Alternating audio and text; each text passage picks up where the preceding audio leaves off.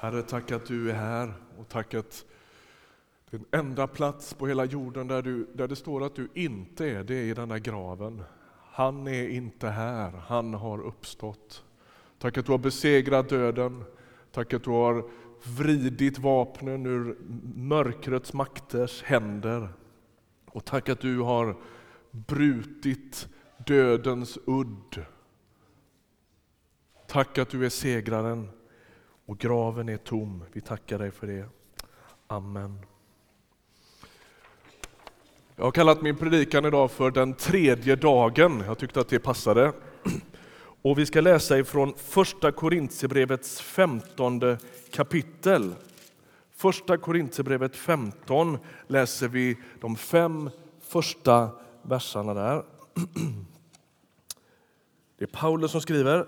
Bröder, jag vill påminna er om evangeliet som jag förkunnade, som ni också tog emot, på vars grund ni står och genom vilket ni blir räddade. Jag vill påminna er om orden i min förkunnelse.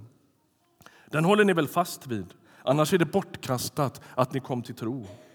Bland det första jag förde vidare till er var detta som jag själv hade tagit emot att Kristus dog för våra synder i enlighet med skrifterna, att han blev begravd och att han uppstod på tredje dagen i enlighet med skrifterna och att han visade sig för Kefas och sedan för de tolv. Om historien om Jesus hade slutat vid fredagens händelser så vore vi inte här. Så är det. Då hade det inte funnits någon kristen kyrka. Då hade det inte funnits någon kristen tro. Då hade Jesu undervisning med största sannolikhet varit bortglömd. Nya testamentet hade naturligtvis aldrig skrivits och den här kyrkan hade aldrig varit byggd. Det är det minsta problemet. kan man säga.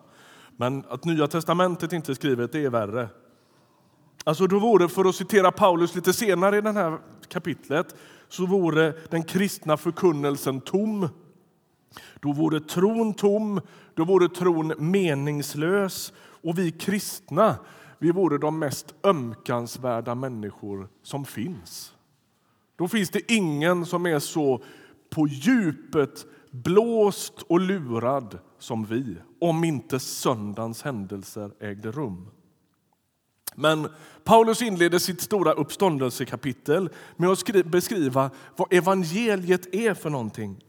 Han säger Jesus dog för våra synder. Han blev begravd och han uppstod på tredje dagen. Och Paulus säger att det där sker helt och hållet i enlighet med skrifterna. Första dagen dör Jesus, andra dagen ligger han i graven och tredje dagen lämnar han graven. Det är liksom den tredje dagen som allt kretsar kring. 20 år efter den här händelsen så har budskapet nått till världens metropol, Rom. Då är budskapet om den tredje dagen där. Och efter 30 år så bränner kejsaren kristna som levande facklor för att få dem att sluta prata om den tredje dagen. Därför att det är det som ruckar hela romarriket i sina grundvalar. Någon har lämnat graven och han är inte där. Det är det de bär med sig. Det är den upplevelsen, det är det, de, den faktiska historiska händelsen att de har mött den uppståndne Jesus som gör att de är beredda att låta bränna sig som levande facklor i Rom 30 år efter den här händelsen. För att graven är tom. Den tredje dagen har ägt rum. Vad är det Paulus menar när han säger att, att Jesus ska uppstå på tredje dagen i enlighet med skrifterna? Det är svårt att hitta någon bibelord i Gamla testamentet som, som väldigt liksom, ut, uttryckligen och explicit säger Jesus kommer att komma, eller Messias kommer att komma i form av Jesus Kristus från Nasaret. Han kommer att lida och dö, han kommer att läggas i en grav utanför Jerusalem och efter tre dagar ska han uppstå. Det står ju ingenstans i Gamla testamentet så uttryckligen. Och ändå säger Paulus, skriftlärd farisé, att när Jesus uppstår då sker det i enlighet med skrifterna. Den tredje dagen den är viktig i Gamla testamentet. Paulus säger att han uppstår på tredje dagen i enlighet med skriften. Jag tänkte vi skulle titta på några tillfällen när historien vänder under den tredje dagen. När Abraham går för att offra Isak så står det att Gud på den tredje dagen förser dem med ett annat offer för att skona Isak. En sorts ställföreträdande offer. Det är en förfärlig berättelse. Vi stannar inte vid den idag. Men Abraham han går för att offra sin egen son. Och precis när han ska göra det så, så kommer en ängel och liksom påtalar för honom att det finns ett annat offer här som du kan ta istället. På den tredje dagen så utses det ställföreträdande offret. Någon annan dör i en ställe. Påsken handlar om hur du och jag har syndat och dragit död över våra liv. Hela mänskligheten har gjort det. Det ligger som ett virus i varenda människa. Det finns ingen som kommer undan. Och dödsstraff vilar över oss. Vi har inte en chans att lösa oss själva från den skulden. Synden, gudlösheten bor i våra liv och måste på något sätt sonas. Och Jesus blir den som dör i vårt ställe. Han byter plats med oss. På den tredje dagen så utsågs ett nytt offer. Den andra berättelsen det är de tunga berättelserna i början. här, va? eller liksom centrala byggstenarna. Vid Sinai berg uppenbarar sig Gud för Mose och folket på ett alldeles våldsamt sätt. Det har med lagen att göra. Och Mose han måste varna folket att på den tredje dagen då ska ni vara beredda. De som då rör vid Sinai berg, de dör. Guds makt ska nämligen uppenbaras. Han ska komma, hur ska man komma till rätta med sitt liv, med sitt brustna liv? Vem ska rädda oss ifrån alla de makter och krafter som hela tiden söker äga och kontrollera oss? På den tredje dagen uppenbaras Guds makt. När Jesus dör och uppstår så bryts makterna över våra liv. Du behöver inte härjas av dem mer. De har inte oinskränkt makt över ditt liv. Jesus har brutit makterna som söker regera ditt liv. Han vrider vapnen ur deras händer. Moses säger på den tredje dagen då uppenbaras Guds makt. Det tredje exemplet. Josua han ska leda Israels folk in i det utlovade landet. Och allt sker på den tredje dagen. Då intar man landet. Jag vet inte om du kan se den där bilden, hur den tredje dagen innebär att, att någonting nytt öppnas. Man får träda in i det som Gud har lovat, precis som Josua får göra det. Han har väntat jättelänge. Han är en av de få som har funnits med hela vägen runt Mose och gått vid hans sida och, och liksom inte dött i öknen. Och så får han vara med om det som han har hela sitt liv hört hur Gud har lovat och så får han kliva in i landet på den tredje dagen. Dörren öppnas och man går in i det som Gud har lovat. Det som händer när Jesus uppstår från de döda det är att ett nytt rike bryter in på ett alldeles särskilt sätt. Ett nytt land. Du kan inte se det på någon jordglob, det finns inte där. På den världskartan. Utan det är ett annat sorts rike präglat av frid, glädje, försoning, kraft, tillit förtrolighet, upprättelse, barmhärtighet.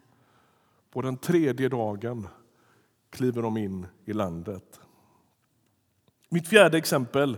I enlighet med skrifterna uppstår Jesus på den, på den tredje dagen. Hosea, en av profeterna i Gamla testamentet, en väldigt spännande person som, som har mycket att säga som minner om Jesus.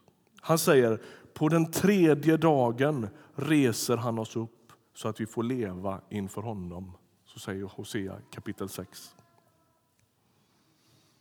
På den tredje dagen reser han oss upp till liv. uppståndelse till ett nytt liv. Häng med nu. I den judiska tron så tror man på uppståndelsen. Kommer ni ihåg vad som händer när, när Jesus kommer till Betania och, ska, och, och Lazarus har dött? Då så frågar han dem om de tror på uppståndelsen och livet. Och då säger de ja, vi vet att på den yttersta dagen ska, ska, ska, de, ska man uppstå. Det säger Marta. Alltså i den judiska eh, världsbilden så finns det en uppståndelse, men den sker på den yttersta dagen, när hela den här tiden är slut. Och så kommer Jesus och så uppstår han på den tredje dagen. Vad betyder det? Jo, det betyder att på ett sätt är den gamla tiden över nu. Nu har den nya tiden börjat. Då, i, den, I den judiska liksom, världsbilden då ska allt återupprättas på uppståndelsens morgon. Och när Jesus uppstår, då börjar den upprättelsen. Då börjar livet bryta in på ett sätt som det inte har gjort förut. Det nya riket, den nya maktbalansen, upprättandet av den nya tillvaron sker på ett alldeles särskilt sätt när Jesus uppstår från de döda. I det här kapitlet som vi började med att läsa här, från första Korinthierbrevet 15, jag skulle uppmuntra dig vi är ju inga läxor här, det funkar ju inte. Liksom. Men jag skulle vilja uppmuntra dig att gå hem och läsa upp första Korinthierbrevet 15. Det är ett fantastiskt kapitel. Paulus stora utläggning om uppståndelsen. Eh, Otroligt rikt kapitel. Om du tycker att det är knepigt att läsa, leta rätt på en, på en bibel där du förstår vad det står. Ett, ett, ett tips är att läsa i The Message om du är ovan bibelläsare. The Message på svenska. Och så läser du de här texterna om vad det innebär att Jesus har uppstått från de döda. Han slutar det här långa kapitlet som är på nästan 60 versar. Så säger han så här. Död, var är din seger? Död, var är din udd? säger han. Döden är uppslukad och segern är vunnen. Alltså, om Jesus inte hade uppstått, då hade han förlorat. Och då hade vi inte kunnat predika som vi har gjort på sistone här, om att älska sina fiender och vända andra kinden till. Därför att det hade ju helt enkelt inte funkat. Men Jesu uppståndelse bevisar vem han är.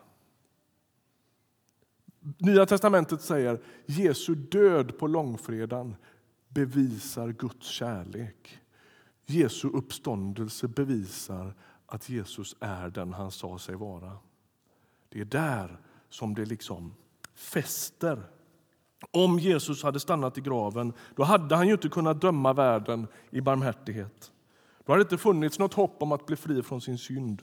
Då hade det inte funnits något hopp om att bli fri från de makter som hela tiden försöker regera oss. Då hade man inte kunnat hoppas på en ny upprättad värld av fred, försoning, helande och upprättelse. Allt står och faller med att den där graven är tom. Ibland hör man människor säga, också liksom kyrkföreträdare, säga men det är inte så viktigt huruvida det där hände på riktigt eller inte. Det viktiga är att han liksom uppstår i våra hjärtan varje gång vi tror på honom. Det där är nonsens. Det är nonsens. Antingen har det hänt eller också har det inte hänt. Och om det inte har hänt så tycker jag vi ska gå hem. Då, då tycker jag inte ens vi ska dricka kyrkkaffe. Då skippar vi det också. Om du inte är orolig för något annat så tänker jag, okej. Okay. Mm. Eller hur? Det vill vi inte missa. Nej, men förstår ni vad jag menar? Det kan inte kanske ha hänt eller lite bildligt ha hänt. Utan, utan Nya testamentets författare och den första generationens kristna de sätter allt sitt hopp till att det verkligen hände. Om det inte gjorde det, då finns inte allt det här som vi säger att vi bekänner oss till. Det står och faller helt och hållet med det. Allt det här händer på tredje dagen i Gamla testamentet, de här sakerna vi sa här, och vittnar om olika perspektiv, tänker jag, på vad som hände när Jesus dog och uppstod. Var ni med på det? Påsken har med ett ställföreträdande offer att göra. Abraham och den tredje dagen. Påsken har med makt, kraft, Guds helighet och härlighet att göra. Mose på Sinai berg. Och den där makten och kraften den är inte till för att skrämma oss eller för att sätta oss på plats utan för att befria oss. En makt som är starkare än de andra makter som söker regera våra liv. Påsken handlar om det utlovade landet. Josua träder in i landet på den tredje dagen. Det öppnas en dörr till en ny mänsklighet, till en ny verklighet, till ett nytt till, ett, till en ny värld på påskdagen. Och det handlar om uppståndelsen från de döda. Och Paulus säger alltså att det är det här på något sätt som det innebär att sätta sin tro till Jesus. Det här är inte sånt som ska hända, utan som redan har hänt. De första kristna de uppfattar budskapet om att Jesus har uppstått som ett budskap inte om att han en dag ska vinna seger, utan att han redan har gjort det. Lyssna nu, det här är viktigt. Den segern den handlar förvisso om personlig frälsning. Den handlar absolut om att du och jag på ett individplan ska få syndernas förlåtelse. Att vi ska få kraft att övervinna synden i våra liv. Att vi ska få ett evigt liv och att Gud själv ska skriva våra namn i himlen. Absolut, det är centralt i Nya testamentet. Men det innebär inte bara det. Utan också den större räddningen. Nya testamentets kristna talar inte om att segern en dag ska fullbordas utan att det redan har hänt. När Petrus predikar på pingstdagen, ni vet när anden faller på pingstdagen, så predikar han inte om hur man ska ta herraväldet över alla nationer, om romarriket, om hur kejsaren ska störtas, utan man annonserade att det just hade hänt. Är du med på det? Det är inte så att det ska hända någon gång framöver, utan det har just hänt. Hela maktbalansen i universum har just rubbats fullständigt och förändrats därför att graven är tom. Det är inte så att det ska hända en dag, utan budskapet Nya testamentets kristna kommer med det är Jesus är härmed hela tillvarons Herre, därför att graven är tom. Kolosserbrevet 2 säger Paulus så här. En enda vers.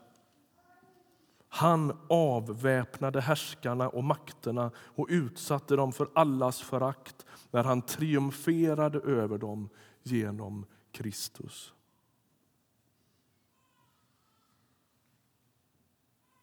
Budskapet den första kristna kyrkan kom med det var Jesus har härmed segrat. Om graven är tom, då är allt möjligt.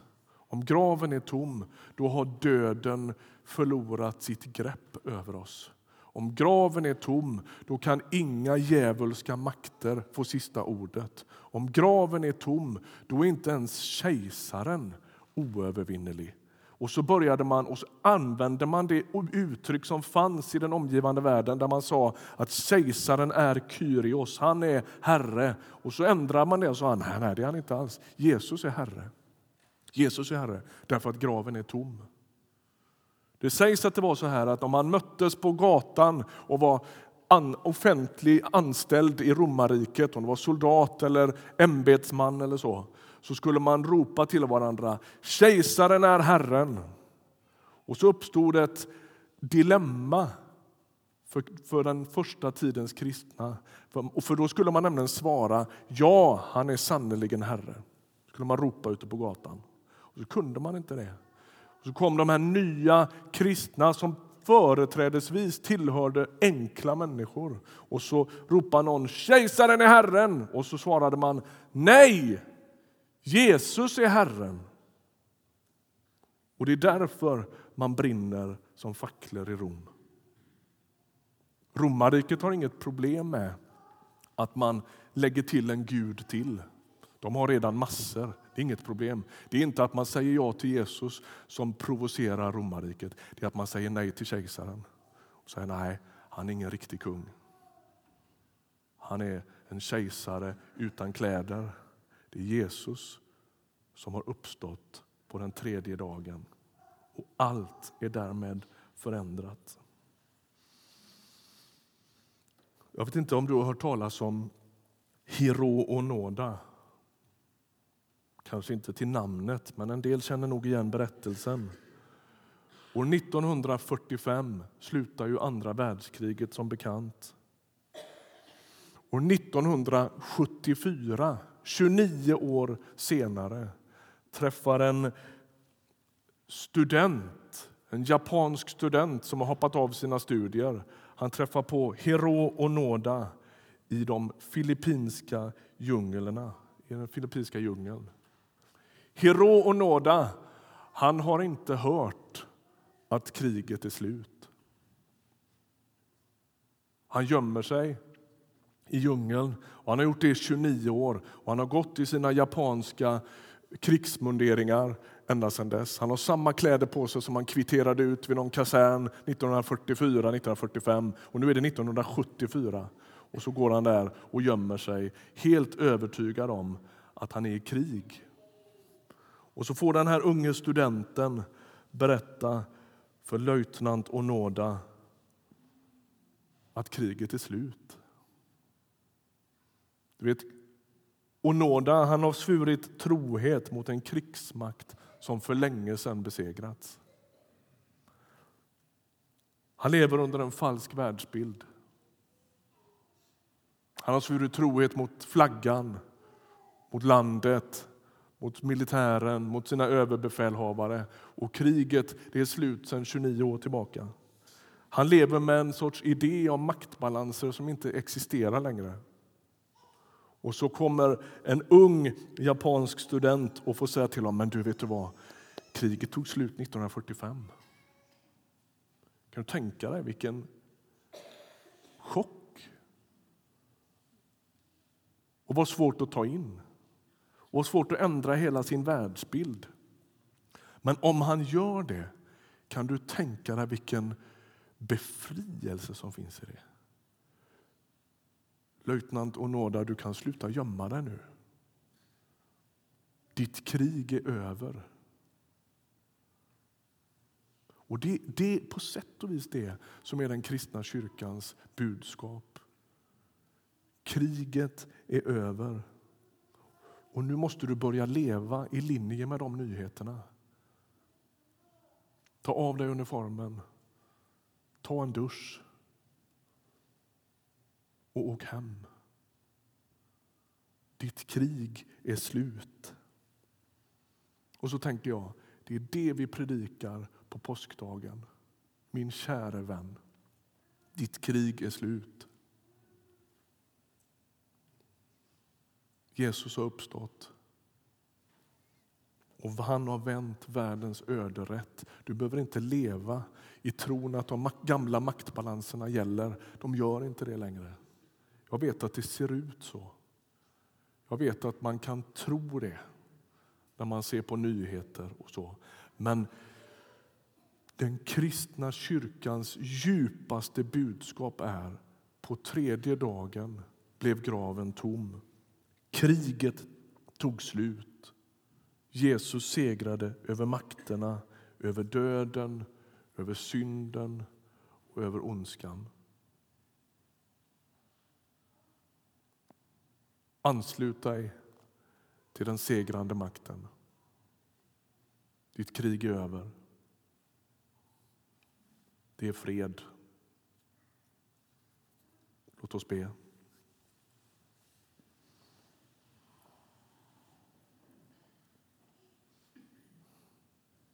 Tack Jesus att du har lämnat graven. Tack att det innebär att du har offrat dig för vår skull. Tack att det innebär att du har gett oss makt över makterna i våra liv. Tack att det innebär att vi får inta det nya landet som handlar om fred, frid, rättfärdighet och glädje i den helige Ande. Tack att det innebär att dödens udd är bruten och att du har skrivit våra namn i himlen. Och tack att det djupast innebär att våra krig är över.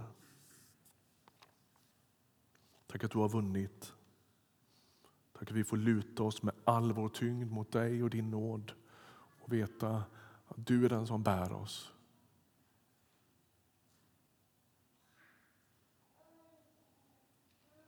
Tack för din seger. Tack för den tomma graven. Amen.